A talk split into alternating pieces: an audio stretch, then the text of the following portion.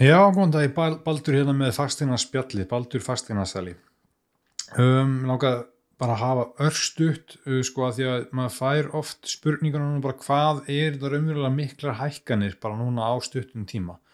Og ég ætla að taka bara alveg af handahófi fjórar eigni sem að seldjusturinn á síðast ári og hvað svona verðmetað er bara miða við núverandi markað.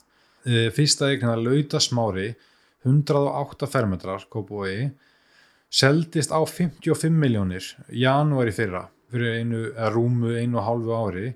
55 miljónir og uppreikna núverði í dag eru um 75 miljónir það er 20 miljón krónar hækkun.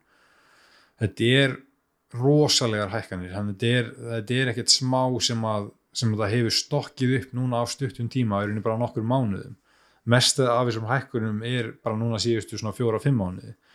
Álfheimar 79 fermetrar uh, seldist á 47 miljónir mæ í fyrra. 79 fermetrar seldist í mæ í fyrra.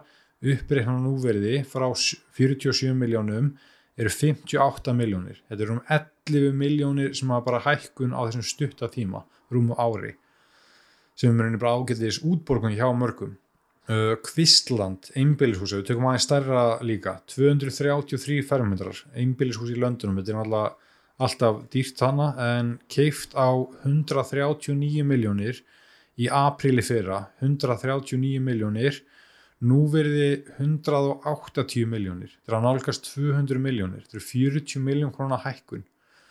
Fjórðaeignin, áskarður þetta er rosalega vinsalega eignir á þrem hæðum svona svolítið mjóar 150 fermundrar 65 miljónir í marsi fyrra. 65 miljónir upprýðan núverði 88 miljónir þetta eru 23 miljónir miljón konar hækkun. Um, fastinamatið hefur núna hækkað um rúm 20% þannig að þetta eru rosalega hækkanir og yfirlegt þegar það eru svona rosalega hækkanir á stuttum tíma þá gerist ofta sama að það kemur yfirlegt svona smá græðki í marga seljendur og seljendur fara að setja of hátt á eignir og kaupendur byrja að gefast upp þannig að það gæti róast eitthvað núna aðeins í sumar en eftirspurnin er samt ennþá það mikil og frambóðir ennþá það lítið þannig að það er ekki víst að undir venjulegu kringustæði myndi markaðunum detta aðeins niður núna að róast en það er bara ekki víst hvort að það sé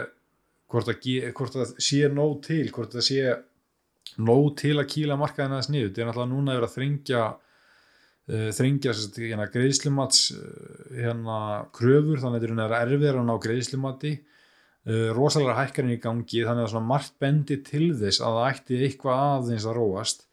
En svo bara spurning hvort að það gerist hvort að sé núna í sumar eða hvort að komi eitthvað aðeins senna en þetta verður forvinnlegt að sjá. Þetta er bara svona örstuð núna í byli bara þakka fyrir mig, Baldur Fastinsæli